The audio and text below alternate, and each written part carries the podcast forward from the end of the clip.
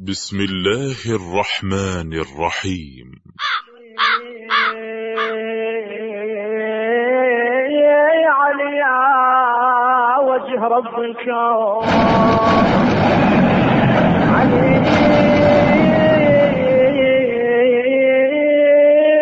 يا وجه رب الكون بالنشيد غلام حسين. غير والينا غير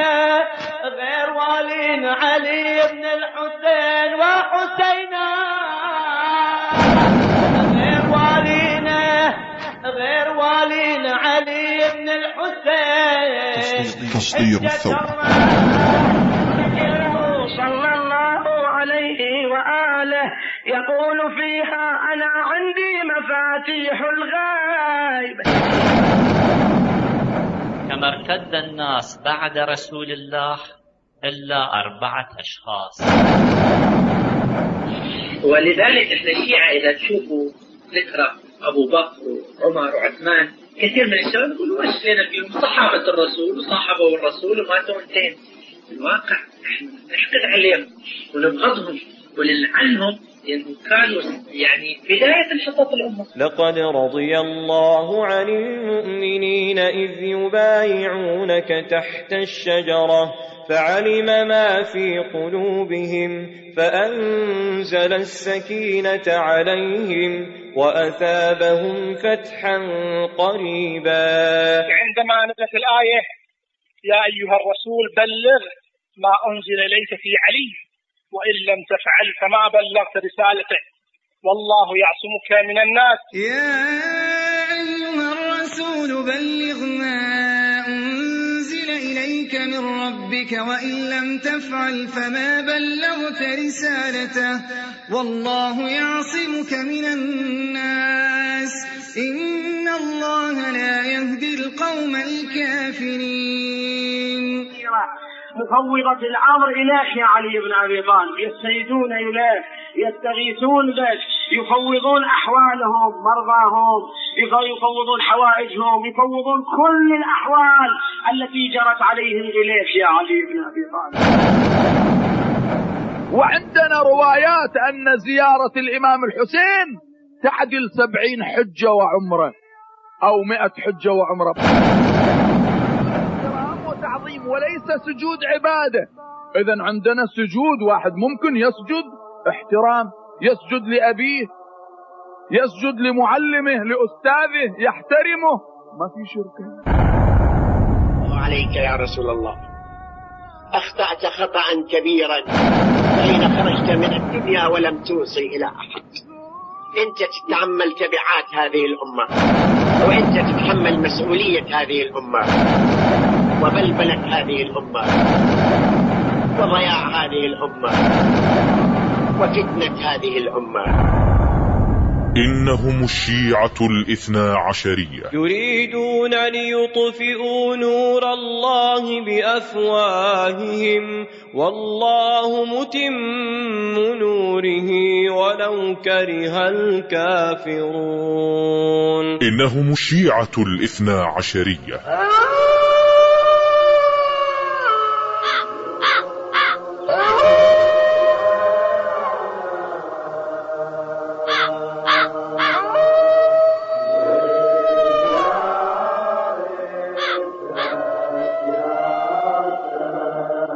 التعريف بهم. هم الذين يرفضون إمامة الشيخين أبي بكر الصديق وعمر بن الخطاب رضي الله عنهم عقيدتهم. تعتقد الشيعة الإمامية بنزول الوحي بعد رسول الله صلى الله عليه وسلم عقيدتهم. بأن أئمتهم يعلمون الغيب. عقيدتهم. بأن الرب هو الإمام الذي يسكن الأرض. عقيدتهم. يعتقدون أن القرآن الكريم قد وقع فيه التحريف والتبديل. والزيادة والنقص. عقيدتهم. تعتقد الشيعة الإمامية كفر أم المؤمنين عائشة رضي الله عنها. وأنها من أهل النار. عقيدتهم. كما أن شيوخ الشيعة يوجبون على أتباعهم عداوة عثمان بن عفان رضي الله عنه واستحلال عرضه واعتقاد كفره.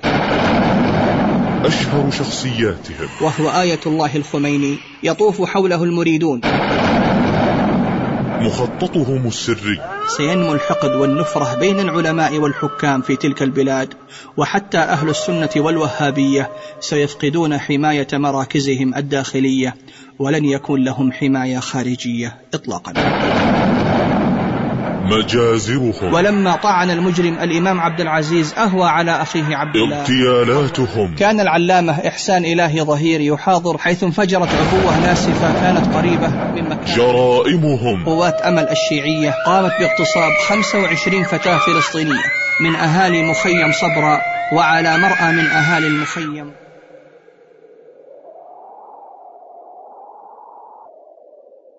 سلسلة الفرق والأديان والمذاهب للشيخ ممدوح الحربي. بسم الله الرحمن الرحيم. الحمد لله رب العالمين والصلاة والسلام على أشرف الأنبياء والمرسلين نبينا وحبيبنا وقدوتنا محمد بن عبد الله صلى الله عليه وآله وسلم. وبعد. إخواني المسلمين أحييكم بتحية الإسلام فالسلام عليكم ورحمة الله وبركاته. وأسأل الله عز وجل كما جمعنا في هذه الدنيا على طاعته أن يجمعنا في الآخرة في جنته بجوار الحبيب الخليل محمد بن عبد الله صلى الله عليه وآله وسلم. أحبتي في الله وإخواني في الله أرحب بكم في هذا اللقاء من سلسلة الفرق والأديان والمذاهب ونتكلم هذا اليوم عن الشيعة الإمامية الاثنى عشرية. وحديثنا سيكون بإذن الله تعالى تحت العناصر التالية. التعريف بالشيعة الإمامية أشهر شخصيات ومؤلفات الشيعة الإمامية عقيدة الشيعة الإمامية في توحيد الربوبية وعقيدة الشيعة الإمامية في توحيد الألوهية وعقيدة الشيعة الإمامية في توحيد الأسماء والصفات.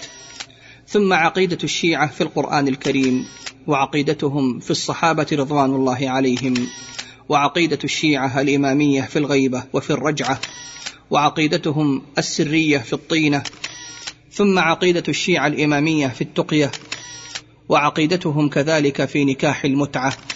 ثم نتكلم عن أعياد الشيعة الإمامية ثم الخطة السرية للشيعة الإمامية في تشييع المناطق والدول المجاورة لدولتهم إيران.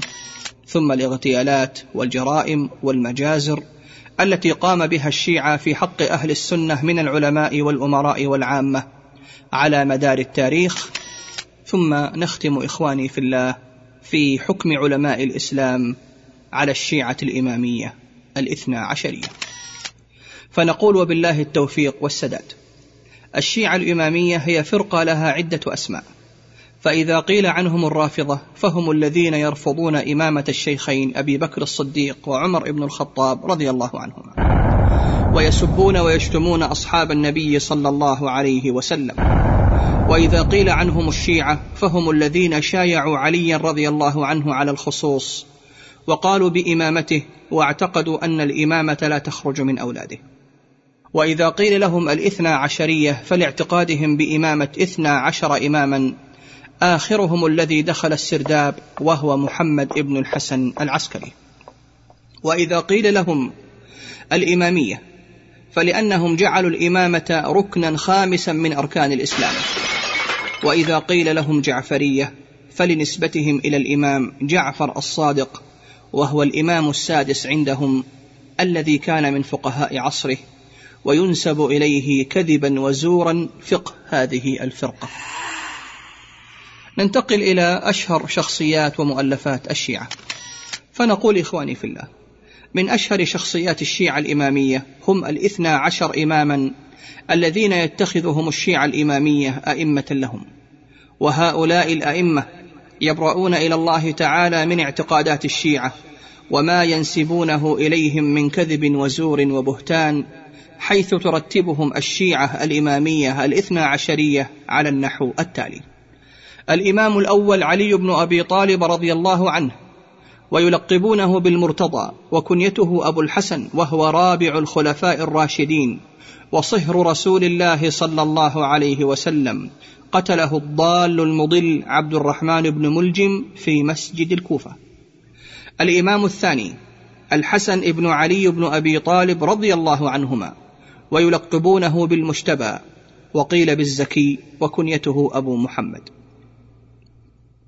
الإمام الثالث الحسين بن علي بن أبي طالب رضي الله عنهما ويلقبونه بالشهيد وهو حقا كذلك رضي الله عنه وقيل بسيد الشهداء وكنيته أبو عبد الله. الإمام الرابع علي بن الحسين بن علي بن أبي طالب ويلقبونه بالسجاد وقيل بزين العابدين وكنيته أبو محمد. الإمام الخامس محمد بن علي بن الحسين ويلقبونه بالباقر وكنيته أبو جعفر. الإمام السادس جعفر بن محمد بن علي ويلقبونه بالصادق وكنيته أبو عبد الله. الإمام السابع موسى بن جعفر الصادق ويلقبونه بالكاظم وكنيته أبو إبراهيم. الإمام الثامن علي بن موسى بن جعفر ويلقبونه بالرضا وكنيته أبو الحسن. الإمام التاسع محمد بن علي بن موسى ويلقبونه بالتقي وقيل بالجواد وكنيته أبو جعفر. الإمام العاشر علي بن محمد بن علي ويلقبونه بالنقي وقيل بالهادي وكنيته أبو الحسن.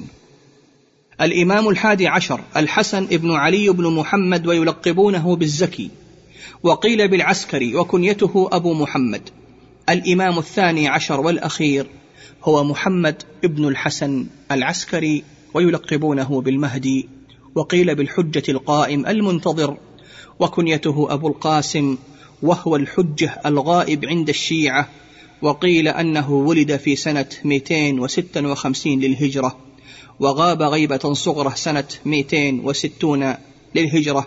وغيبة كبرى سنة 329 للهجرة. كما تعتقد الشيعة أيضا أن هذا الإمام الثاني عشر قد دخل سردابا في دار أبيه بسر من رأى ولم يخرج إلى الآن. ننتقل أحبتي في الله إلى شخصيات أخرى للشيعة ومن هذه الشخصيات عبد الله بن سبأ اليهودي ويعد المؤسس الأول لمعتقدهم الفاسد. وهو يهودي من يهود اليمن ويلقب بابن السوداء نسبة إلى أمه الحبشية. وقد أظهر الإسلام ليهدمه من الداخل وهو أول من قال بأن القرآن جزء من تسعة أجزاء وعلمه عند علي بن أبي طالب رضي الله عنه. وهو الذي ألب الأحزاب على ذي النورين عثمان بن عفان رضي الله عنه. وهو أول من قال بالرجعة والبداء والنسيان على الله عز وجل تعالى الله عن ذلك علوا كبيرا.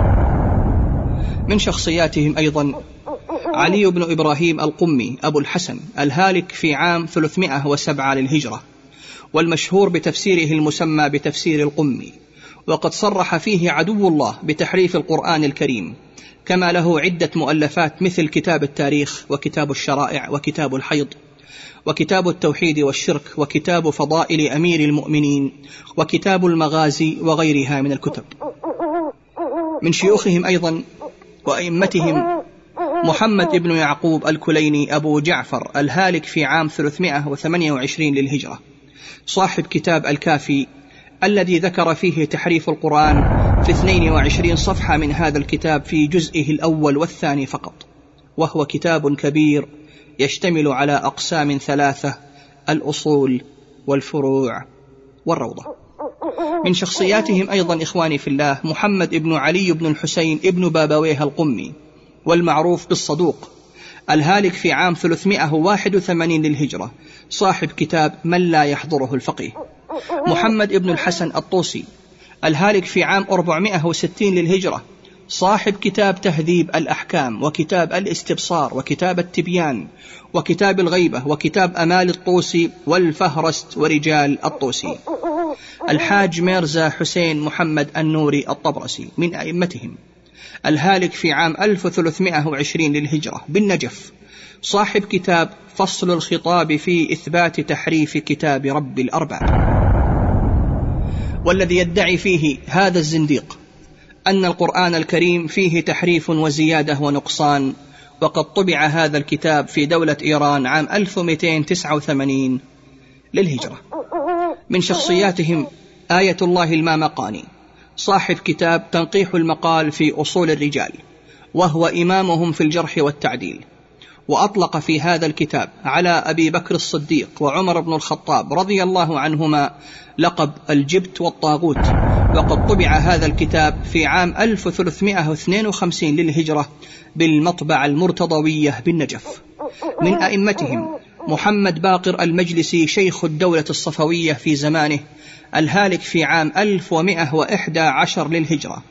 صاحب كتاب بحار الأنوار. ومن أئمتهم أيضا نعمة الله الجزائري الهالك في عام 1112 للهجرة وهو صاحب كتاب الأنوار النعمانية وأبو منصور الطبرسي الهالك عام 620 للهجرة صاحب كتاب الاحتجاج وأبو عبد الله المفيد الهالك عام 413 للهجرة صاحب كتاب الإرشاد وكتاب أمالي المفيد ومحمد ابن الحسن العاملي الهالك عام 1104 للهجرة صاحب كتاب الإيقاظ من الهجعة في إثبات الرجعة. وننتقل إلى إمام من أئمتهم المعاصرين وهو آية الله الخميني واسمه روح الله مصطفى أحمد الموسوي الخميني. هاجر جده أحمد من الهند إلى إيران عام 1885 للميلاد. وكان مولد الخميني في قرية خمين بالقرب من مدينة قم عام 1320 للهجرة وقتل والده بعد عام من ولادته ولما قارب سن البلوغ ماتت أمه فرعاه أخوه الأكبر. وقد كان من رجال الدين عند الشيعة ومن مؤلفات الخميني كتاب كشف الأسرار الذي يقول فيه عن الفاروق عمر بن الخطاب رضي الله عنه كما في صفحة 116 ما نصه إن أعمال عمر نابعة من أعمال الكفر والزندقة والمخالفات لآيات ورد ذكرها في القرآن. انتهى كلامه. كما أن للخميني إخواني في الله كتاب تحرير الوسيلة. وكتاب الحكومة الإسلامية الذي يقول فيه أي في كتاب الحكومة الإسلامية في صفحة 13 ما نصه إن تعاليم الأئمة كتعاليم القرآن. يجب تنفيذها واتباعها انتهى. وقد هلك الخميني في عام 1989 للميلاد عن عمر يناهز التاسعة والثمانين عام. وقد أودع المقربون إليه جسده في نعش زجاجي ووضعوه في أكبر ساحة في طهران عاري الوجه. يطوف حوله المريدون وقد سار خلفه نحو عشرة ملايين رافضين قد تزاحموا عليه بالمناكب وهم يلطمون الخدود ويضربون الصدور. كما قرر المتاجرون بجسد الخميني أن يبنوا عليه بنيانا تعلوه أرفع قبة في إيران. مطلية بالذهب تشرف على قرية اختار لها ابنه أحمد اسما هو روح الإسلام. وقد قيل إن تكلفة هذه القبة قرابة السبعة مليارات من الدولارات في بلد به أكثر من خمسة ملايين عاطل. ننتقل إخواني في الله إلى عقيدة الشيعة الإمامية في توحيد الربوبية. أولا اعتقاد الشيعة الإمامية بأن الرب هو الإمام حيث تعتقد الشيعة بأن الرب هو الإمام الذي يسكن الأرض. كما جاء في كتابهم مرآة الأنوار ومشكاة الأسرار صفحة 59 أن عليا كما يفترون عليه قال أنا رب الأرض الذي يسكن الأرض به. وكقول إمامهم العياشي في تفسيره المجلد الثاني صفحة 353 لقول الله تعالى ولا يشرك بعبادة ربه أحدا. قال العياشي ما نصه؟ يعني التسليم لعلي رضي الله عنه ولا يشرك معه في الخلافة من ليس له ذلك ولا هو من أهله. انتهى كلام. واستمع أخي في الله إلى شيخهم حسين الفهيد الأحسائي. وهو ينادي علي بن أبي طالب رضي الله عنه ويصفه بأنه وجه رب الكون عياذا بالله تعالى. بل ويزعم حسين الأحسائي أن علي بن أبي طالب رضي الله عنه هو الذي علم آدم عليه الصلاة والسلام كيف يتوب في الجنة عياذا بالله تعالى من ذلك. ولاحظ أخي في الله أصوات النساء وهن يبكين بعد ندائه. فاستمع ماذا يقول. يا علي يا وجه رب الكون علي يا وجه رب الكون يا والسر قدرنا ولسان قرآن. علي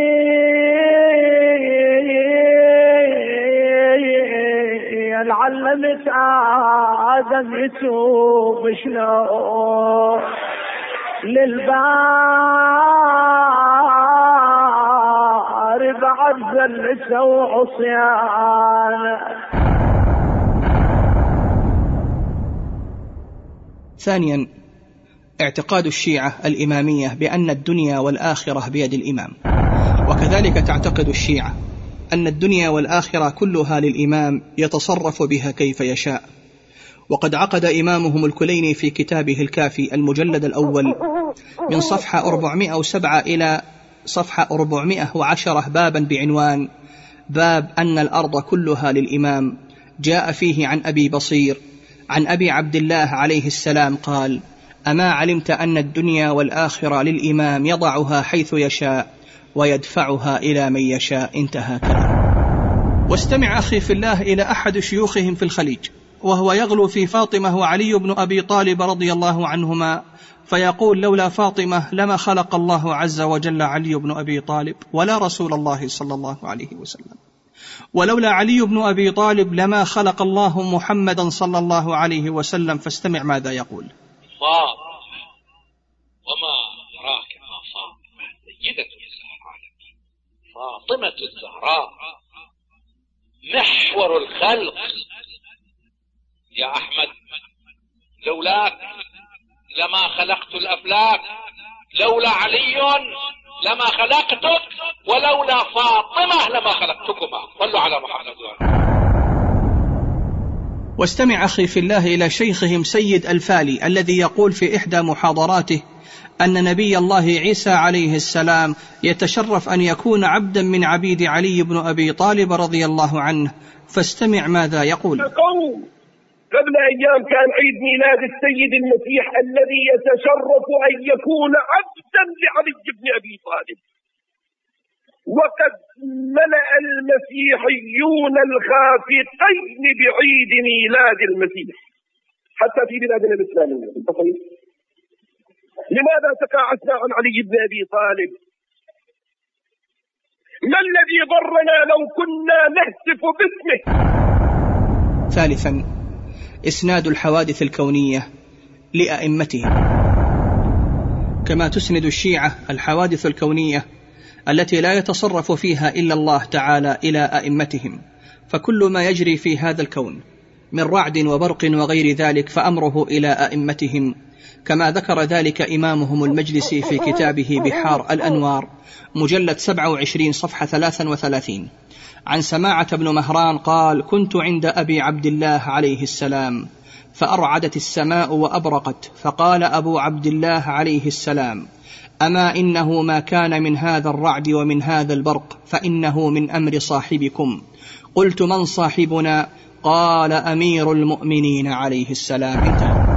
رابعا اعتقاد الشيعة الإمامية أن عليا يركب السحاب وهذه العقيدة يتوافق بها الشيعة الإمامية والشيعة النصيرية التي سوف نفصل في درسها بإذن الله تعالى.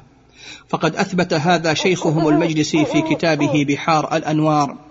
مجلد سبعة وعشرون صفحة أربعة وثلاثون أن عليا أومأ إلى سحابتين فأصبحت كل سحابة كأنها بساط موضوع فركب على سحابة بمفرده وركب بعض أصحابه على الأخرى وقال فوقها ما نصه أنا عين الله في أرضه أنا لسان الله الناطق في خلقه أنا نور الله الذي لا يطفأ. أنا باب الله الذي يؤتى منه وحجته على عباده. انتهى. خامسا اعتقاد الشيعة الإمامية أن أئمتهم يعلمون الغيب. وكذلك تعتقد الشيعة الإمامية إخواني في الله بأن أئمتهم يعلمون الغيب حيث أقر هذه العقيدة شيخهم الكليني إذ بوب في كتابه الكافي المجلد الأول صفحة 258 بابا بعنوان باب أن الأئمة عليهم السلام يعلمون متى يموتون وأنهم لا يموتون إلا باختيارهم. وكذلك بوب في كتابه الكافي. المجلد الأول صفحة 260 بابا بعنوان باب أن الأئمة عليهم السلام يعلمون علم ما كان وما يكون وأنه لا يخفى عليهم شيء. وكذلك روى إمامهم المجلسي في كتابه بحار الأنوار مجلد 26 صفحة 27 28 عن الصادق عليه السلام كذبا وزورا أنه قال والله لقد أعطينا علم الأولين والآخرين. فقال له رجل من أصحابه جعلت فداك أعندكم علم الغيب؟ فقال له ويحك إني لأعلم ما في أصلاب الرجال وأرحام النساء. انتهى عياذا بالله. سادسا اعتقاد الشيعة بأن أئمتهم ينزل عليهم الوحي. وكذلك تعتقد الشيعة الإمامية بنزول الوحي بعد رسول الله صلى الله عليه وسلم على أئمتهم عن طريق جبريل عليه السلام بل عن طريق ملك أعظم من جبريل وأفضل فهم بذلك يشرعون ويعلمون الغيب وكل ما هو كائن إلى يوم القيامة. وهذه العقيدة إخواني في الله. متناثرة في كتب الشيعة ككتب الحديث والتفسير بروايات عديدة. فقد أورد إمامهم محمد بن الحسن الصفار المتوفى عام 290 للهجرة والذي يعدونه من أصحاب الإمام المعصوم الحادي عشر كما يعدونه من أقدم المحدثين لديهم بالإضافة إلى أنه شيخ الكليني الذي يلقب عندهم بحجة الإسلام. فقد روى إمامهم الصفار في كتابه المشهور بصائر الدرجات الكبرى والذي هو عبارة عن عشرة أجزاء أخبارا كثيرة لا تحصى ولا تعد في إثبات نزول الوحي على أئمتهم عن طريق الملائكة الكرام. ففي الباب السادس عشر من الجزء الثامن باب في أمير المؤمنين أن الله ناجاه بالطائف وغيرها ونزل بينهما جبريل. روى تحت هذا الباب قرابة عشر روايات منها عن حمران بن أعين قال قلت لأبي عبد الله عليه السلام جعلت فداك. بلغني أن الله تبارك وتعالى قد ناجى عليا عليه السلام. قال أجل قد كان بينهما مناجاة بالطائف نزل بينهما جبريل. انتهى لفظه. هذا إخواني في الله. في كتاب بصائر الدرجات الكبرى لإمامهم الصفار الجزء الثامن الباب السادس عشر صفحة 430 طبعة إيران. كما أن هذا الأمر لا يختص به علي بن أبي طالب رضي الله عنه بل يشاركه فيه جميع الأئمة عند الشيعة الاثنى عشرية. كما روى الصفار في كتابه بصائر الدرجات في الجزء التاسع تحت عنوان الباب الخامس عشر في الأئمة عليهم السلام أن روح القدس يتلقاهم إذا احتاجوا إليه يعني جبريل عليه السلام. روح القدس هو جبريل عليه السلام. وقد روى تحت هذا الباب قريبا من ثلاثة عشر رواية. منها عن أسباط عن أبي عبد الله جعفر أنه قال قلت تسألون عن الشيء فلا يكون عندكم علمه. قال ربما كان ذلك. قلت كيف تصنعون؟ قال تلقانا به روح القدس. وكذلك ذكر الصفار في كتابه بصائر الدرجات. عن أبي عبد الله أنه قال إنا لنزاد في الليل والنهار ولو لم نزد لنفد ما عندنا. يعني لو لم ينزل علينا الوحي ولم نزيد في هذا العلم في الليل والنهار لانتهى ما عندنا. قال أبو بصير جعلت فداك من يأتيكم به؟ قال إن منا من يعاين أن يرى وإن منا من ينقر في قلبه كيت وكيت وإن منا لمن يسمع بأذنه وقعا كوقع السلسلة في الطس. قال فقلت له من الذي يأتيكم بذلك؟ قال خلق أعظم من جبريل وميكائيل. هذا في كتاب بصائر الدرجات الكبرى للصفار. الباب السابع من الجزء الخامس صفحة 252 وكذلك إخواني في الله روى الكليني مثل هذه العقيدة. في كتابه الكافي تحت عنوان باب الروح التي يسدد الله بها الأئمة عليهم السلام.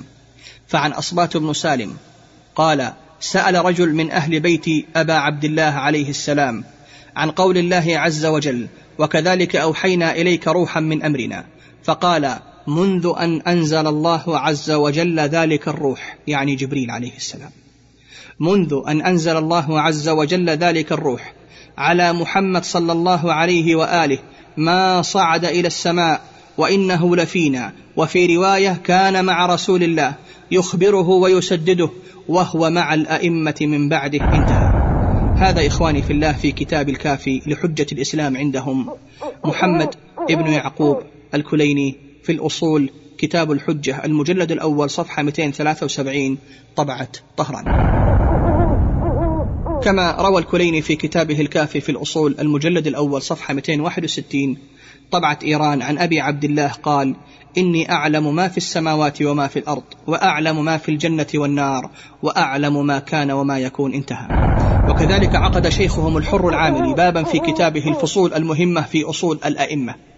باب 94 صفحة 145 جاء فيه ما نصه. إن الملائكة ينزلون ليلة القدر إلى الأرض ويخبرون الأئمة عليهم السلام بجميع ما يكون في تلك السنة من قضاء وقدر وإنهم أي الأئمة يعلمون علم الأنبياء عليهم. السلام. واستمع أخي في الله وحبيبي في الله إلى أحد شيوخهم وهو يصرح بأن أئمتهم المعصومين يرون الملائكة بل إن الملائكة الكرام خدم عند أئمتهم المعصومين.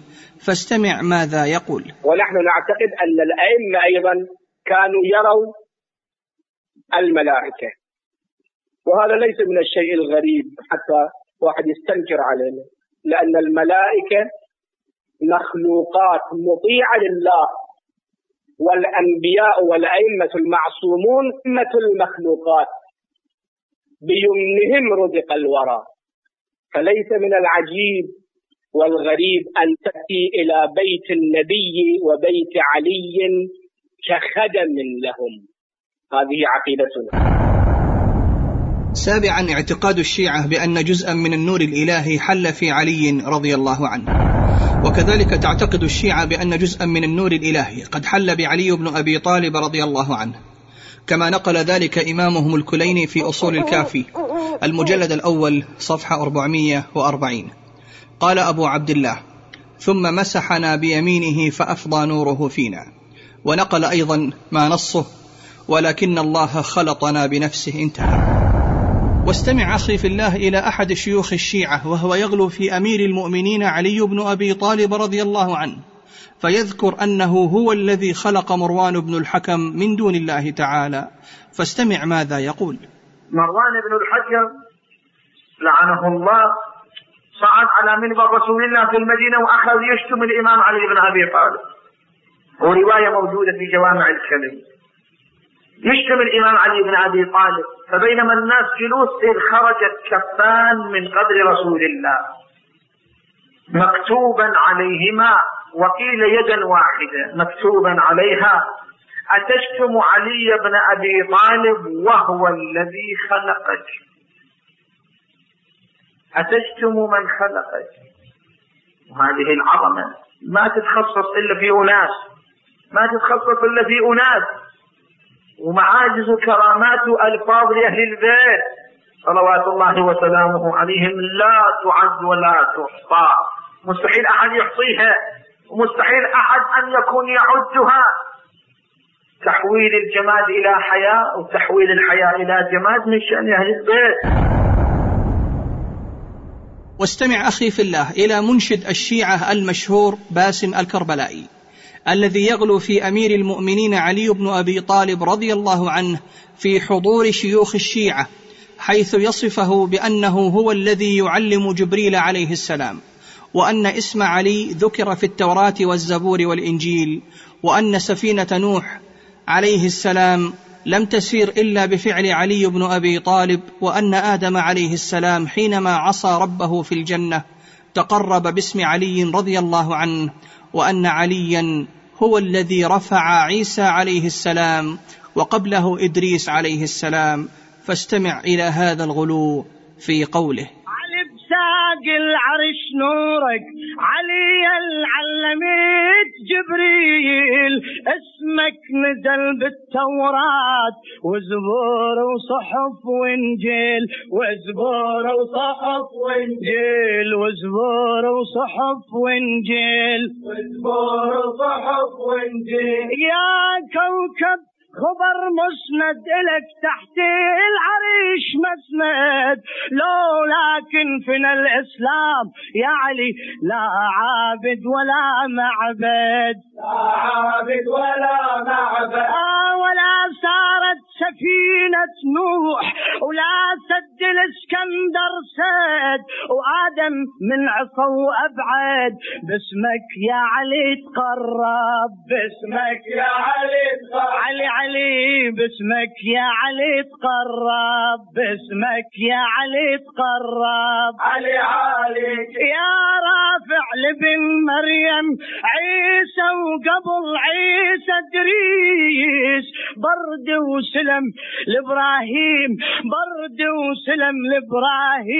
نار البسمة تلهب نار البسمة تلهب نار البسمة تلهب نار البسمة تلهب إي والله علي علي.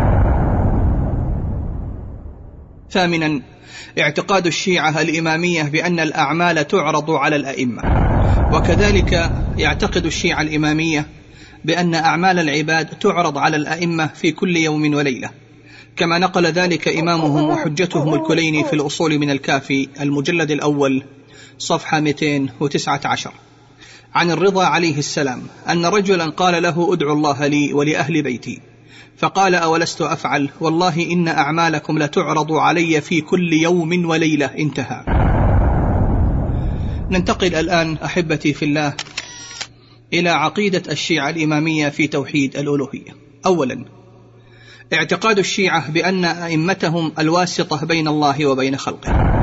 فتعتقد الشيعة الإمامية بأن أئمتهم الاثنى عشر هم الواسطة بين الله وبين خلقه. حيث قال إمامهم المجلسي في كتابه بحار الأنوار مجلد 23 صفحة 97 عن أئمتهم ما نصه. فإنهم حجب الرب والوسائط بينه وبين الخلق.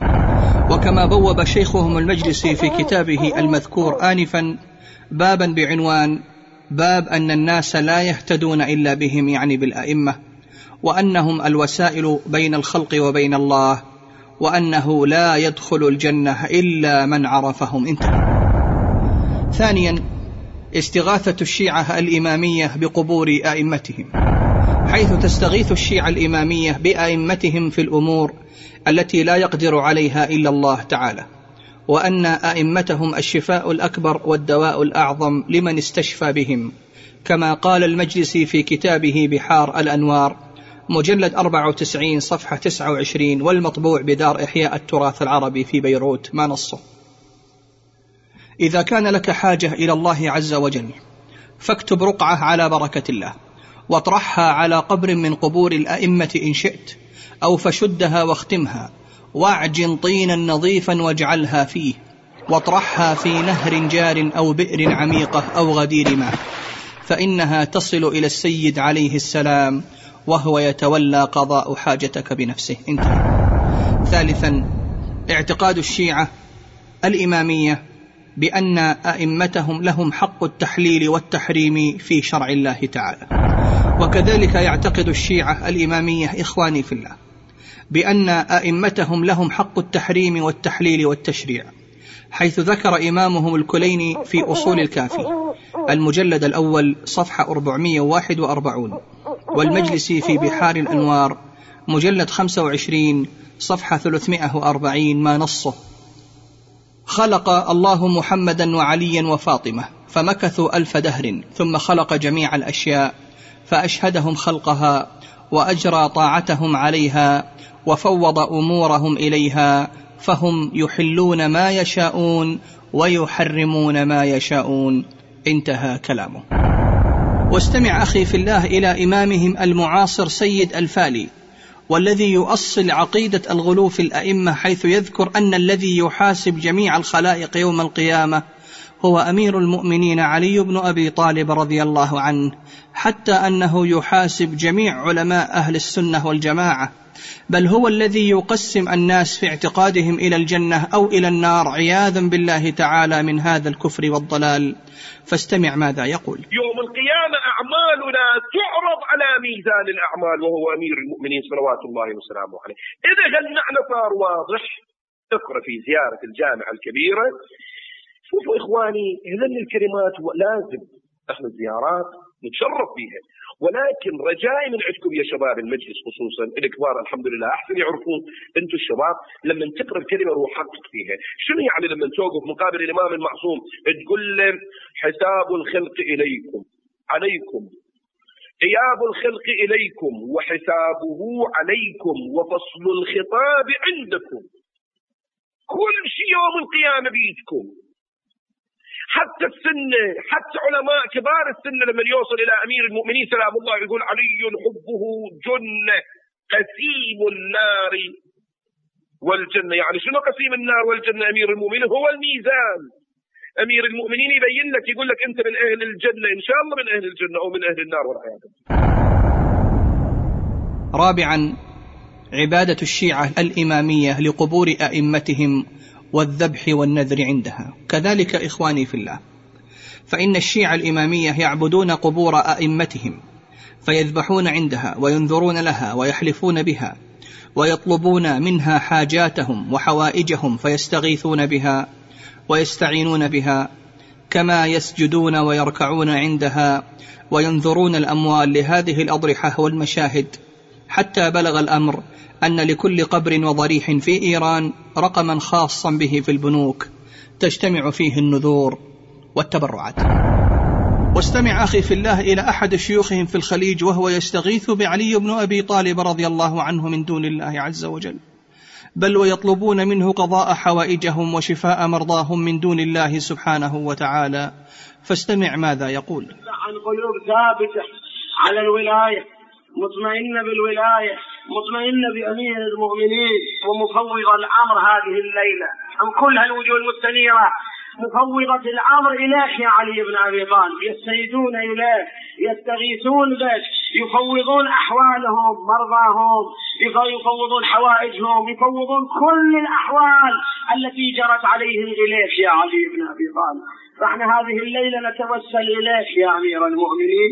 تنظر إلى شيعتك بعين الرحمة تنظر إلى شيعتك بعين الرأفة تنظر إلى محبيك بعين العطف عندهم حاجات والليلة الجمعة يا علي. عندهم مرضى والليلة الجمعة يا علي. نادي عليا مظهر العجائب. تجده عونا لك في النوائب. كل هم وغم. سينجلي بولايتك يا علي. يا والي الولي يا قاهر العدو يا مظهر العجائب يا مرتضى علي. يا قاهر العدو يا والي الولي يا مظهر العجائب يا مرتضى علي. ما عندنا أحد نلتجئ إليه يا أمير المؤمنين. فإحنا هذه الليلة نقسم عليك بمنحر أبي عبد الله. إلا أنك نظرت إلى مرضانا بنظرة الشفاء والعافية.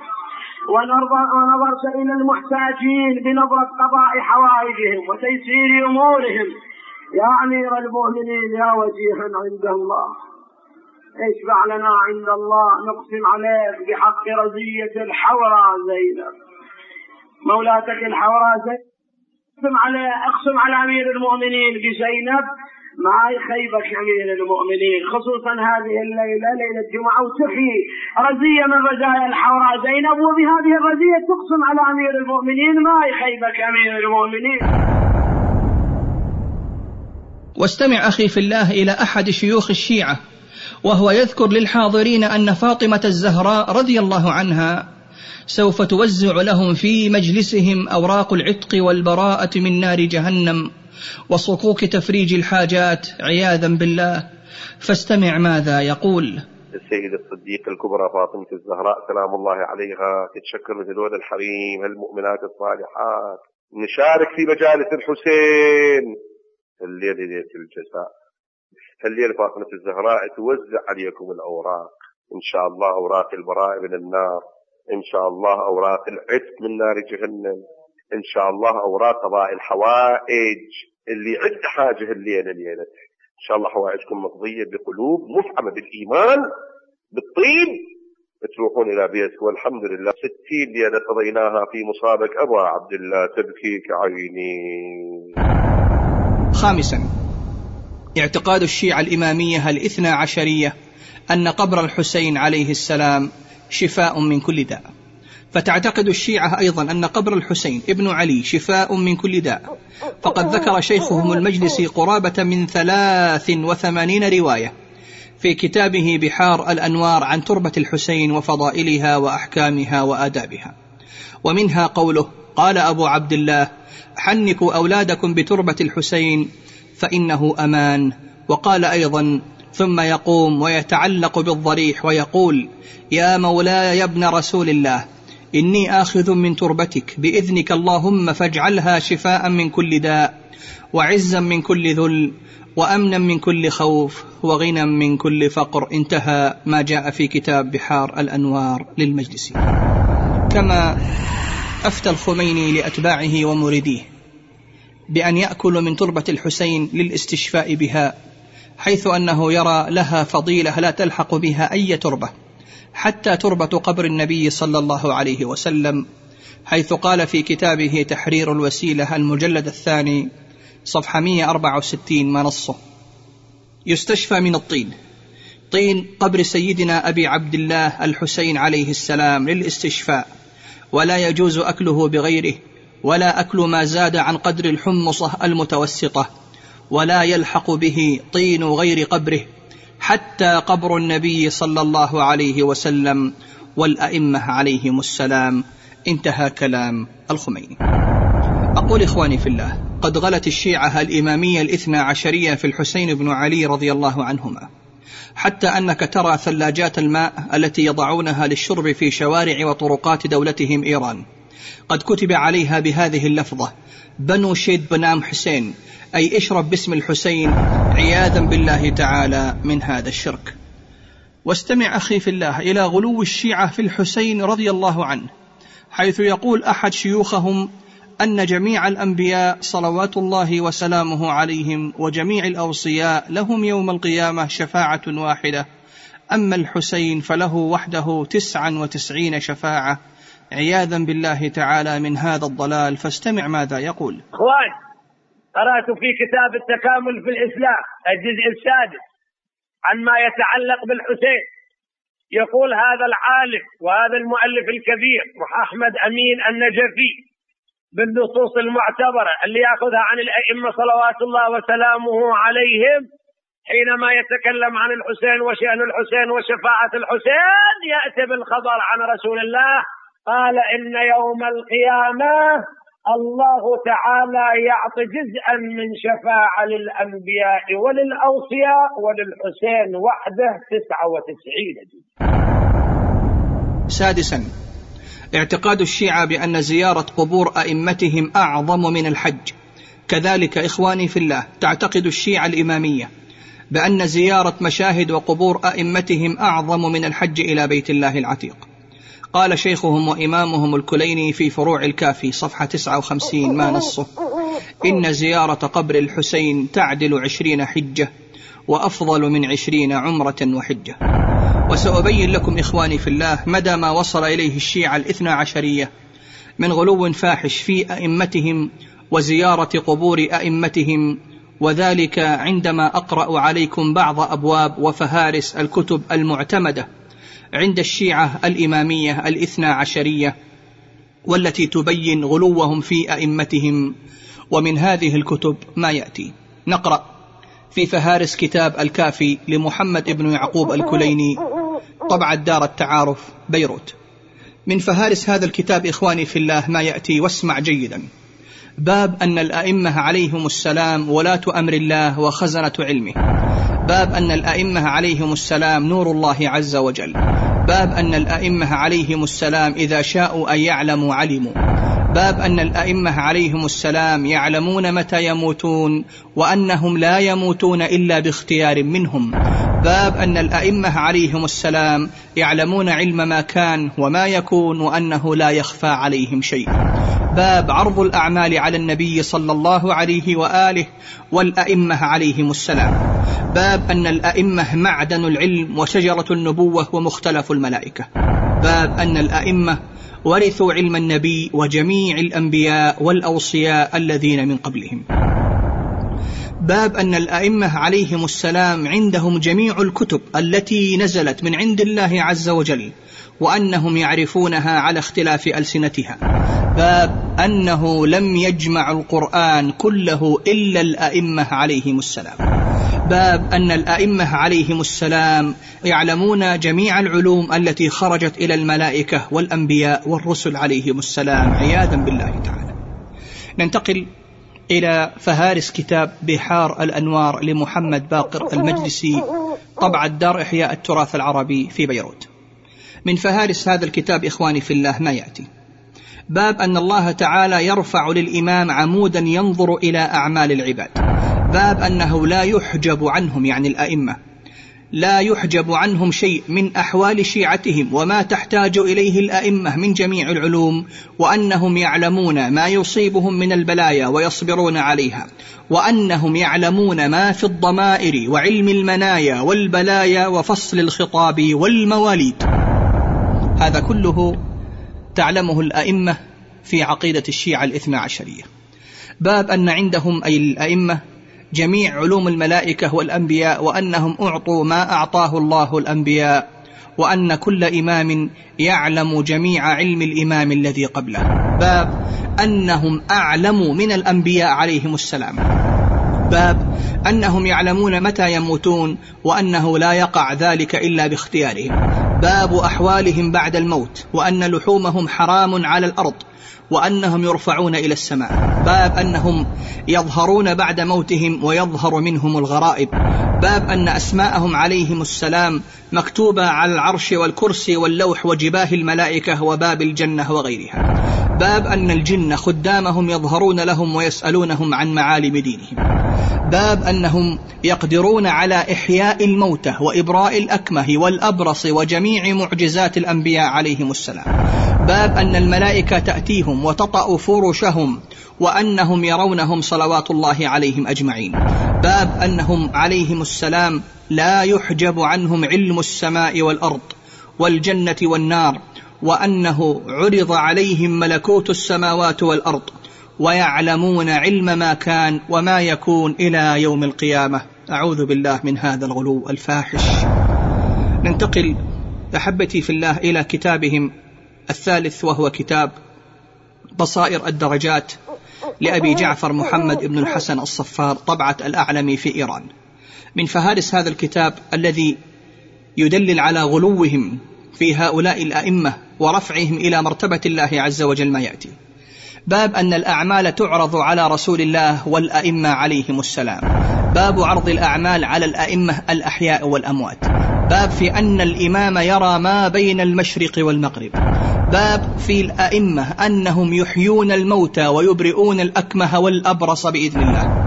باب في أمير المؤمنين أن الله ناجاه بالطائف وغيرها ونزل بينهما جبريل. يعني كان جبريل ينزل على قلب علي بن أبي طالب كما كان ينزل على قلب رسول الله. عياذا بالله من هذا الكفر. باب في علم الأئمة بما في السماوات والأرض والجنة والنار وما كان وما هو كائن إلى يوم القيامة. ننتقل إلى كتاب كامل الزيارات لإمامهم جعفر بن محمد ابن قولوي. وهذه بعض الأبواب يا إخواني من فهارس هذا الكتاب تبين غلوهم في أئمتهم والكتاب طبع دار السرور في بيروت عام 1997 للميلاد يعني الطبعه حديثة. فأقول باب من زار الحسين كان كمن زار الله في عرشه. باب إن زيارة الحسين والأئمة عليهم السلام تعدل زيارة قبر رسول الله وآله. باب إن زيارة الحسين تحط الذنوب. باب إن زيارة الحسين تعدل عمره. باب إن زيارة الحسين تعدل حجة. باب إن زيارة الحسين تعدل حجة وعمرة. باب إن زيارة الحسين ينفس بها الكرب ويقضى بها. باب ما يستحب من طين قبر الحسين وأنه شفاء. باب إن طين قبر الحسين شفاء وأمان. باب ما يقول الرجل إذا أكل طين قبر الحسين. باب إن زائر الحسين يدخلون الجنة قبل الناس. ننتقل إلى كتاب نور العين في المشي إلى زيارة قبر الحسين للإمام محمد ابن حسن طبع دار الميزان في بيروت. ومن أبواب هذه الفهارس إخواني في الله باب إن زائر الحسين عليه السلام يعطى له يوم القيامة. نور يضيء لنوره ما بين المشرق والمغرب. باب إن زيارته عليه السلام توجب العتق من النار. باب إن زيارته غفران ذنوب خمسين سنة. باب إن زيارة الحسين عليه السلام تعدل الإعتاق والجهاد والصدقة والصيام. باب إن زيارة الحسين عليه السلام تعدل اثنتين وعشرين عمرة. باب إن زيارة الحسين عليه السلام تعدل حجة لمن لم يتهيأ له الحج وتعدل عمرة لمن لم تتهيأ له عمرة. باب إن الله تبارك وتعالى يتجلى لزوار قبر الحسين عليه السلام ويخاطبهم بنفسه. باب إن الله جل وعلا يزور الحسين عليه السلام في كل ليلة جمعة. باب إن الأنبياء يسألون الله في زيارة الحسين عليه السلام. انظروا إلى الغلو. باب أن النبي الأعظم يعني محمد صلى الله عليه وسلم والعترة الطاهرة يزورون الحسين عليه السلام. باب إن إبراهيم الخليل عليه السلام يزور الحسين عليه السلام. باب إن موسى بن عمران سأل الله جل وعلا أن يأذن له في زيارة قبر الحسين عليه السلام. باب الملائكة يسألون الله عز وجل أن يأذن لهم في زيارة قبر الحسين عليه السلام. باب ما من ليلة تمضي إلا وجبريل وميكائيل يزورانه صلوات الله عليه. باب إن زيارة الحسين عليه السلام تعدل ثلاثين حجة مبرورة متقبلة زاكية مع رسول الله صلى الله عليه وسلم. باب من زار قبر الحسين عليه السلام كان كمن زار الله فوق عرشه. باب من زار قبر الحسين عليه السلام. كان كمن زار الله فوق كرسيه. باب من زار الحسين عليه السلام. كتبه الله في أعلى عليين. وأعوذ بالله من هذا الغلو وهذا التقديس الفاحش في حق هؤلاء الأئمة. واستمع أخي في الله إلى شيخهم حسين الأحسائي وهو يذكر خطبة لأمير المؤمنين علي بن أبي طالب رضي الله عنه. تعتقد الشيعة الإمامية أن علي رضي الله عنه قد قالها قبل موته والتي فيها من الشرك العظيم والكفر المبين ما تقشعر منه جلود المؤمنين الموحدين فاستمع ماذا يقول. خطبة له صلى الله عليه وآله. يقول فيها أنا عندي مفاتيح الغيب. لا يعلمها بعد رسول الله إلا أنا. أنا ذو القرنين المذكور في الصحف الأولى. أنا صاحب خاتم سليمان. أنا ولي الحساب. أنا صاحب الصراط والموقف. أنا قاسم الجنة والنار بأمر ربي. أنا آدم الأول أنا نوح الأول أنا آية الجبار أنا حقيقة الأسرار أنا مورق الأشجار أنا مونع الثمار أنا مفجر العيون أنا مجري الأنهار أنا خازن العلم أنا طول الحلم أنا أمير المؤمنين أنا عين اليقين أنا حجة الله في السماوات والأرض. أنا الراجفة أنا الصاعقة أنا الصيحة بالحق. أنا الساعة لمن كذب بها. أنا ذلك الكتاب الذي لا ريب فيه. أنا الأسماء الحسنى التي أمر أن يدعى بها. أنا ذلك النور الذي اقتبس منه الهدى. أنا صاحب الصور. أنا مخرج من في القبور. أنا صاحب يوم النشور أنا صاحب نوح ومنجيه أنا صاحب أيوب المبتلى وشافيه أنا أقمت السماوات بأمر ربي أنا صاحب إبراهيم أنا سر الكليم أنا الناظر في الملكوت أنا أمر الحي الذي لا يموت. أنا ولي الحق على سائر الخلق. أنا الذي لا يبدل القول لدي وحساب الخلق إلي أنا المفوض إلي أمر الخلائق. أنا خليفة الإله الخالق. أنا سر الله في بلاده وحجته على عباده. أنا أمر الله والروح كما قال سبحانه ويسألونك عن الروح قل الروح من أمر ربي. أنا أرسيت الجبال الشامخات وفجرت العيون الجاريات.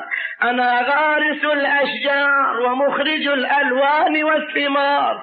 أنا مقدر الأقوات أنا ناشر الأموات.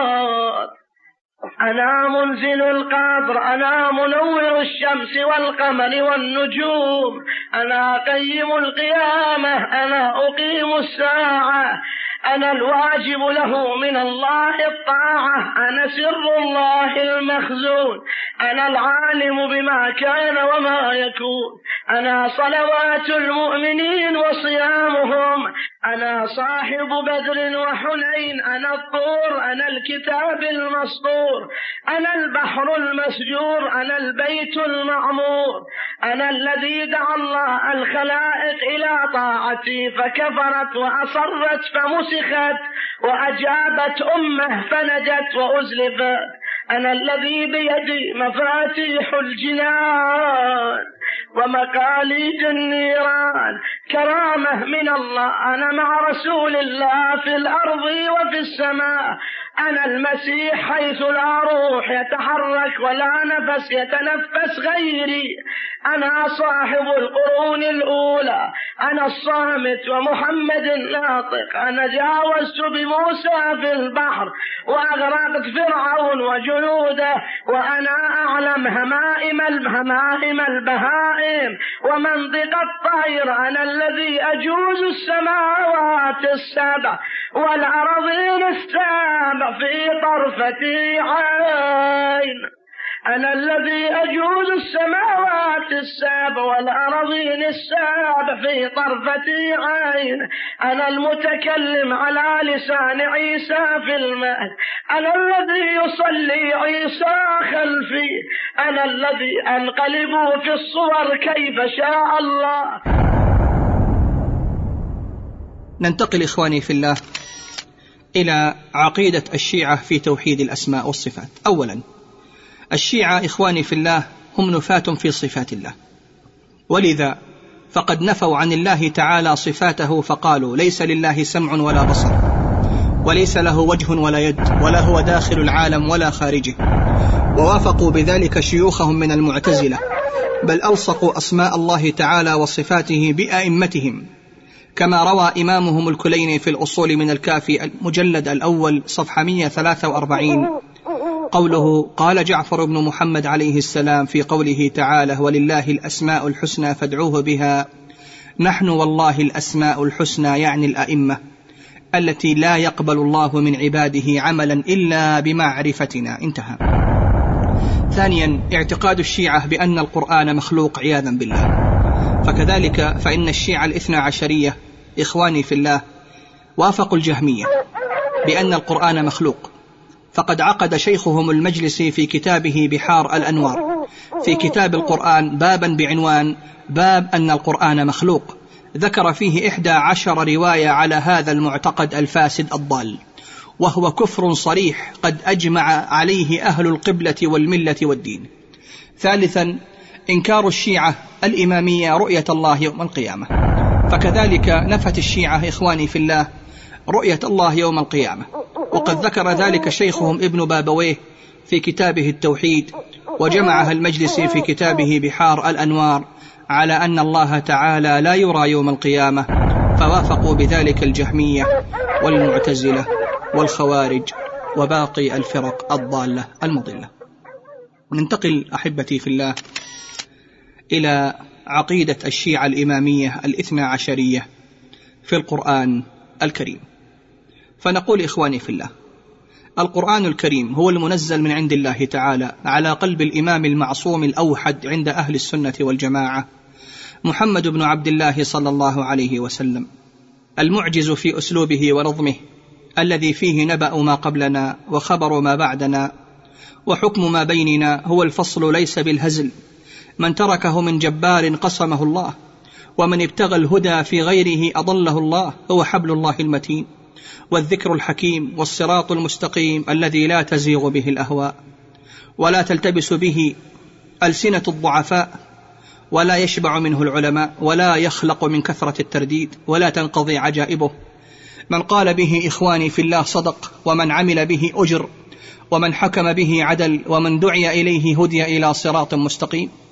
والذي تحدى به رسول الله صلى الله عليه وسلم فصحاء العرب وأرباب البلاغة وفرسان اللغة. إنه القرآن الكريم إخواني في الله الذي يعتقد فيه أهل السنة والجماعة بأنه كلام الله الذي أنزله على قلب رسوله صلى الله عليه وسلم. من اعتقد أن فيه حرفا زائدا أو ناقصا فهو مرتد قد خلع ربقة الإسلام من عنقه ولا يقبل الله منه عدلا ولا صرفا يوم القيامة. هذا اعتقاد أهل السنة في هذا القرآن. فماذا تعتقد الشيعة الإمامية الإثنى عشرية في هذا القرآن؟ أقول إخواني في الله إنهم يعتقدون أن القرآن الكريم قد وقع فيه التحريف والتبديل والزيادة والنقص بل إن الذي نقص هو ما يعادل ضعفي القرآن الموجود بين يدي أهل السنة وأن الذي قام بهذه الجريمة بزعم الشيعة هم أصحاب رسول الله صلى الله عليه وسلم. وعلى رأسهم أبو بكر الصديق وعمر بن الخطاب وعثمان بن عفان رضي الله عنهم أجمعين. واستمع أخي في الله إلى الدكتور عدنان الوائل وهو من شيعة الكويت. كيف يحرف القرآن الكريم أمام جموع من الشيعة في كلمة الله؟ حينما قرأ قول الله تعالى يا أيها الرسول بلغ ما أنزل إليك من ربك وإن لم تفعل فما بلغت رسالته حيث حرفها هذا الشيخ. فحذف قوله تعالى من ربك ووضع مكانها قوله في علي. اعتقادا من الشيعة بأن الصحابة الكرام رضوان الله عليهم هم الذين قاموا بذلك. فاستمع ماذا يقول. الشوق يحدونا الشوق هو الذي جاء بنا إلى هذا المكان. لا لكي نحتفل ولكن لكي نجدد العهد بالولاية لسيدي ومولاي أمير المؤمنين علي بن أبي طالب سلام الله عليه.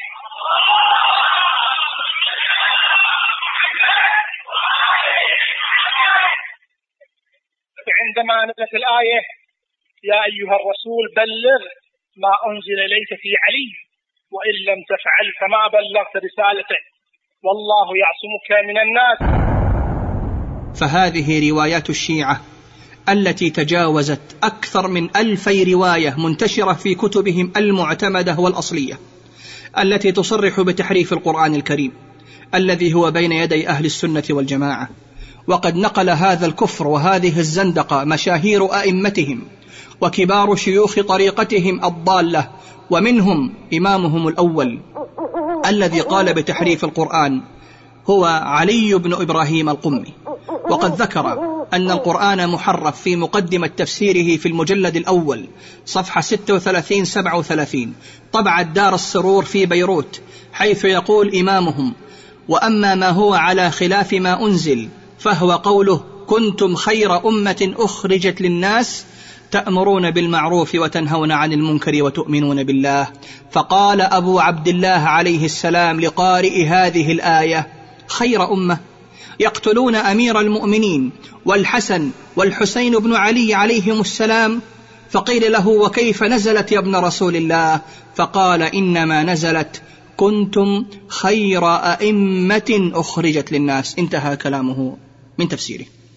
إمامهم الثاني إخواني في الله الذي قال بتحريف القرآن هو نعمة الله الجزائري هذا المجرم الذي صرح بتحريف القرآن الكريم على يد الصحابة الكرام رضوان الله عليهم حيث يقول في كتابه الأنوار النعمانية المجلد الأول صفحة 97 ما نصه ولا تعجب من كثرة الأخبار الموضوعة فإنهم بعد النبي صلى الله عليه وسلم قد غيروا وبدلوا. يقصد هنا الخبيث أصحاب رسول الله صلى الله عليه وسلم. فإنهم بعد النبي صلى الله عليه وسلم قد غيروا وبدلوا. في الدين ما هو أعظم من هذا كتغييرهم القرآن وتحريف كلماته وحذف ما فيه من مدائح آل الرسول والأئمة الطاهرين. انتهى كلامه من كتابه الأنوار النعمانية. ننتقل إلى إمامهم الثالث الذي قال بتحريف القرآن وهو الفيض الكاشاني وهو من كبار مفسريهم إخواني في الله.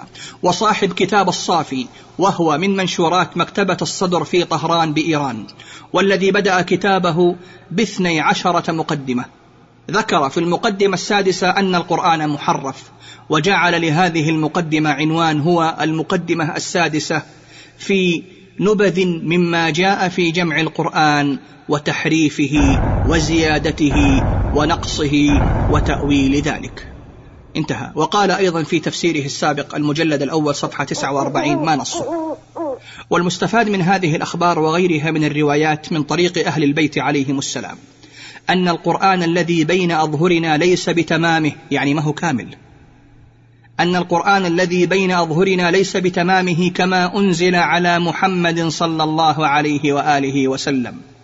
بل منه ما هو خلاف ما أنزل الله ومنه ما هو مغير محرف وأنه قد حذف منه أشياء كثيرة منها اسم علي عليه السلام في كثير من المواضع ومنها لفظة آل محمد صلى الله عليه وآله وسلم غير مرة ومنها أسماء المنافقين في مواضعها.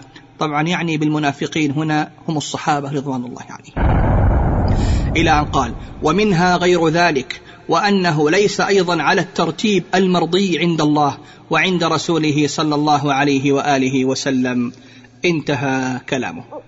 ننتقل أحبتي في الله إلى إمامهم الرابع الذي قال بتحريف القرآن وهو أبو منصور أحمد بن منصور الطبرسي. وهو كذلك قد صرح بتحريف القرآن الكريم على أيدي الصحابة الكرام رضوان الله عليهم. حيث يقول في كتابه الاحتجاج المجلد الأول صفحة 249 ما نصه. إن الكناية عن أسماء أصحاب الجرائر العظيمة من المنافقين في القرآن ليست من فعله تعالى وإنها من فعل المغيرين والمبدلين الذين جعلوا القرآن عضين واعتاضوا الدنيا من الدين. انتهى. ويقول أيضا في كتابه المذكور آنفا المجلد الأول صفحة 254 ما نصه ولو شرحت لك ما أسقط وحرف وبدل يعني في القرآن الكريم. مما يجري هذا المجرى لطال وظهر ما تحضر التقية إظهاره من مناقب الأولياء ومثالب الأعداء. انتهى كلامه. ننتقل إخواني في الله إلى إمامهم الخامس الذي قال بتحريف القرآن وهو محمد ابن باقر المجلسي الذي بوب في كتابه بحار الأنوار المجلد رقم 89 صفحة 66 بابا بعنوان باب التحريف في الآيات التي هي خلاف ما أنزل الله. انتهى كلامه. وبالمناسبة إخواني في الله هذا الكتاب بحار الأنوار يتكون من مئة وعشر مجلد قام بجمعها هذا الرجل المجلسي وهو شيخ الدولة الصفوية عامله الله بعدله وبما يستحق. ننتقل إخواني في الله إلى إمامهم السادس الذي قال بتحريف القرآن وهو محمد بن محمد النعمان والملقب بالمفيد. الذي قال في كتابه أوائل المقالات صفحة 48 و 49 ما نصه واتفقوا يعني أئمة الشيعة واتفقوا أن أئمة الضلال خالفوا في كثير من تأليف القرآن وعدلوا فيه عن موجب التنزيل وسنة النبي صلى الله عليه وآله وسلم انتهى. ويعني هنا بأئمة الضلال الصحابة رضوان الله عليهم. وقال أيضا في كتابه السابق صفحة 525 ما نصه إن الأخبار قد جاءت مستفيضة عن أئمة الهدى من آل محمد صلى الله عليه وسلم باختلاف القرآن وما أحدثه الظالمين فيه من الحذف والنقصان. انتهى كلامه. ويقصد أيضا هنا بالظالمين هم أصحاب رسول الله صلى الله عليه وسلم وعلى رأسهم أبو بكر وعمر وعثمان رضي الله عنهم أجمعين. ننتقل أحبتي في الله إلى إمامهم السابع الذي قال بتحريف القرآن وهو أبو الحسن العاملي. الذي قال في المقدمة الثانية لتفسيره مرآة الأنوار ومشكاة الأسرار صفحة 36 ما نصه. اعلم أن الحق الذي لا محيص عنه بحسب الأخبار المتواترة وغيرها أن هذا القرآن الذي في أيدينا قد وقع فيه بعد رسول الله صلى الله عليه وسلم شيء من التغييرات وأسقط الذين جمعوه بعده كثيرا من الكلمات والآيات. انتهى كلامه. ننتقل إلى إمامهم الثامن الذي قال بتحريف القرآن وهو سلطان محمد بن حيدر الخرساني والذي قال في كتابه بيان السعادة في مقامات العبادة المجلد الأول صفحة 12 ما نصه؟ اعلم أنه قد استفاضت الأخبار عن الأئمة الأطهار بوقوع الزيادة والنقيصة والتحريف والتغيير فيه يعني القرآن الكريم بحيث لا يكاد يقع شك في صدور بعضها منهم يعني من أصحاب رسول الله. انتهى كلامه.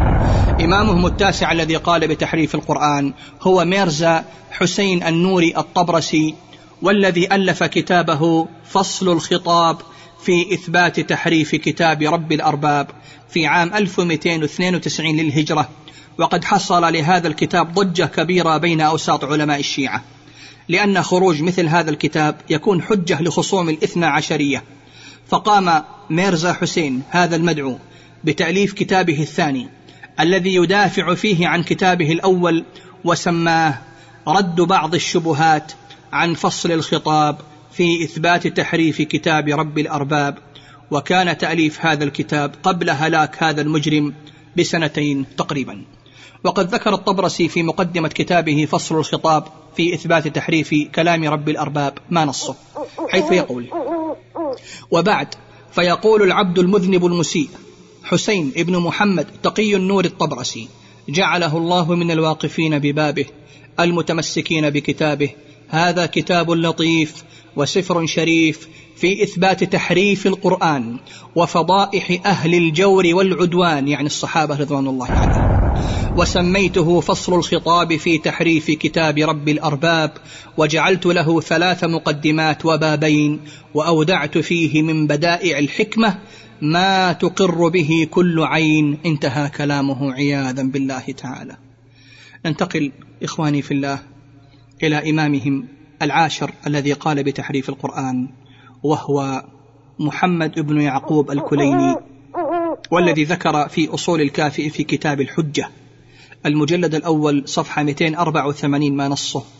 عن جابر قال سمعت أبا جعفر عليه السلام يقول ما ادعى أحد من الناس أنه جمع القرآن كله كما أنزل إلا كذاب وما جمعه وحفظه كما أنزل الله تعالى إلا علي بن أبي طالب عليه السلام والأئمة من بعده عليهم السلام.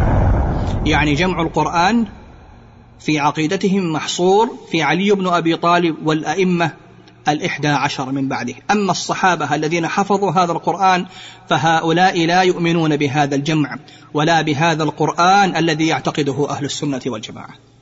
ننتقل أحبتي في الله إلى إمامهم الحادي عشر الذي قال بتحريف القرآن وهو محمد بن مسعود والمعروف بالعياشي حيث ذكر في تفسيره المشهور المجلد الأول صفحة 25 ما نصه. عن أبي عبد الله أنه قال لو قرئ القرآن كما أنزل لألفيتنا فيه مسمين انتهى. أي لو لم يحرف القرآن الكريم بزعمهم لوجدت أسماء الأئمة الاثنى عشر موجودة. أقول إخواني في الله إذا لماذا تقرأ الشيعة الاثنى عشرية؟ القرآن الذي بين أيدي أهل السنة والجماعة مع اعتقادهم بأنه محرف. وكثير من أهل السنة يرون عامة الشيعة. إن لم يكن جل الشيعة يقرؤون القرآن وأهل السنة ينظرون إليهم. فكيف يقرؤون وهم يعتقدون أنه محرف؟ أقول هذا السؤال الذي يسأله أهل السنة يجيب عليه إمامهم ومرجعهم نعمة الله الجزائري في كتابه الأنوار النعمانية المجلد الثاني صفحة 360 حيث يقول هذا الإمام جوابا على سؤال أهل السنة ما نصه؟ فإن قلت كيف جاز القراءة في هذا القرآن؟ مع ما لحقه من التغيير. قلت قد روي في الأخبار أنهم عليهم السلام يعني الأئمة أمروا شيعتهم بقراءة هذا الموجود من القرآن في الصلاة وغيرها والعمل بأحكامه حتى يظهر مولانا صاحب الزمان فيرتفع هذا القرآن من أيدي الناس ويخرج القرآن الذي ألفه أمير المؤمنين عليه السلام فيقرأ ويعمل بأحكامه. انتهى كلامه. اذا الجواب واضح حينما يسأل أهل السنة والجماعة لماذا تقرأ الشيعة؟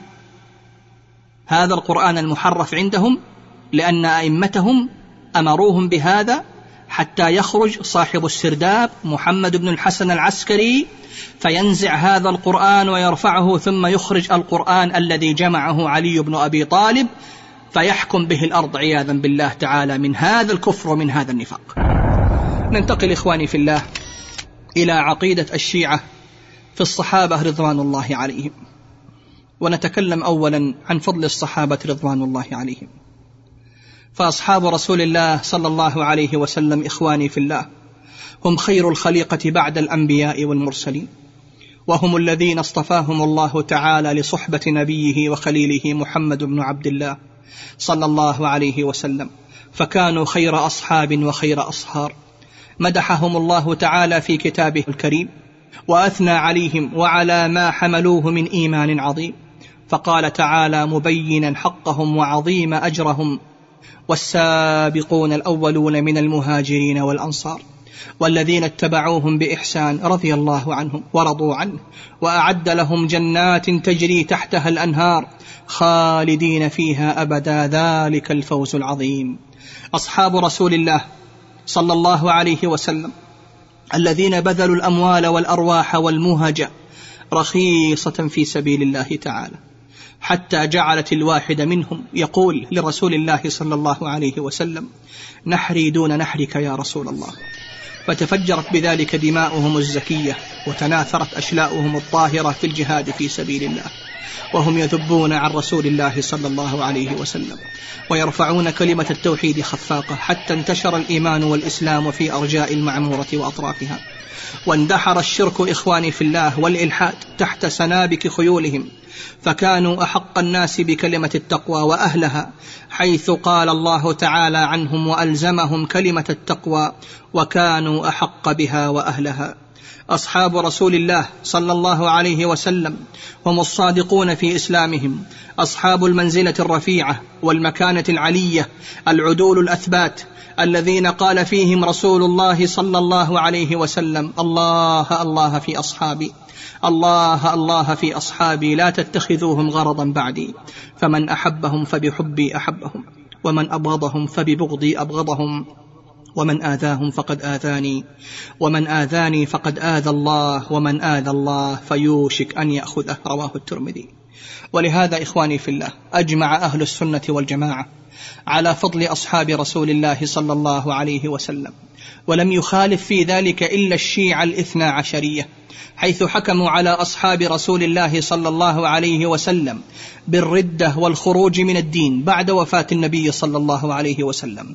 قال التستري وهو من كبار علمائهم في كتابه إحقاق الحق ما نصه كما جاء موسى للهداية وهدى خلقا كثيرا من بني إسرائيل وغيرهم فارتدوا في أيام حياته ولم يبقى فيهم أحد على إيمانه سوى هارون عليه السلام. كذلك جاء محمد صلى الله عليه وسلم وهدى خلقا كثيرا لكنهم بعد وفاته ارتدوا على أعقابهم انتهى كلامه كما ذكر الكليني في الكافي والعياشي في تفسيره والمجلسي في بحار الأنوار ما نسبوه كذبا وزورا إلى محمد بن علي الباقر أنه قال كان الناس أهل ردة بعد النبي إلا ثلاثة انتهى. واستمع أخي في الله إلى أحد شيوخ الشيعة الإمامية وهو يقول أن جميع الناس يعني الصحابة رضوان الله عليهم قد ارتدوا بعد رسول الله صلى الله عليه وسلم إلا أربعة عياذا بالله تعالى. فاستمع ماذا يقول. يقول الإمام الصادق عليه الصلاة والسلام ارتد الناس بعد الحسين إلا قليل. كما ارتد الناس بعد رسول الله إلا أربعة أشخاص. ارتد الناس بعد مقتل الحسين عليه الصلاة وأزكى السلام إلا قليل. هكذا كان الوضع. عندما تسلم الإمام السجاد أزمة الأمور وأزمة العالم بأجمعه. كما سأبين لك أخي في الله بعض أقوالهم في أعظم وأحب أصحاب رسول الله صلى الله عليه وسلم. لنرى مدى جراءة وافتراء وظلم الشيعة في حق الصحابة الكرام رضوان الله عليهم وإلى أولهم. عائشة رضي الله عنها فهي أم المؤمنين الصديقة بنت الصديق الطاهرة المطهرة التي نشأت في بستان الطهر وتربت في واحة العفة والحياء حبيبة حبيب الله صلى الله عليه وسلم.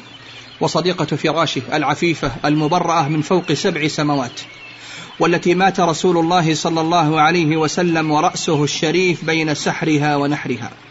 وريقه الشريف قد خال طريقها والتي قبض ودفن رسول الله صلى الله عليه وسلم في بيتها وهو راض عنها. والتي يقدمها أهل السنة والجماعة على عشائرهم وقبائلهم بل والله على أمهاتهم وآبائهم. لقربها من رسول الله صلى الله عليه وسلم ولحبه الشديد لها حيث سئل صلى الله عليه وسلم أي الناس أحب إليك؟ قال عائشة رواه البخاري. والتي تغنى بها وبتقواها وبطهرها شعراء أهل السنة حتى قال قائلهم أكرم بعائشة الرضا من حرة بكر مطهرة الإزار حصاني هي زوج خير الأنبياء وبكره وعروسه من جملة النسوان هي عرسه هي أنسه هي إلفه هي حبه صدقا بلا أدهان. هذا هو اعتقاد أهل السنة والجماعة. أصحاب القلوب البيضاء في الطاهره العفيفة أم المؤمنين عائشة رضي الله عنها. والتي نفديها بالأهل والعشائر ونقدمها على الآباء والأمهات لقربها من رسول الله صلى الله عليه وسلم ولحبها الشديد لها. فماذا تعتقد الشيعة الإمامية الاثنا عشرية في حق هذه الطاهرة المطهرة؟ إخواني في الله.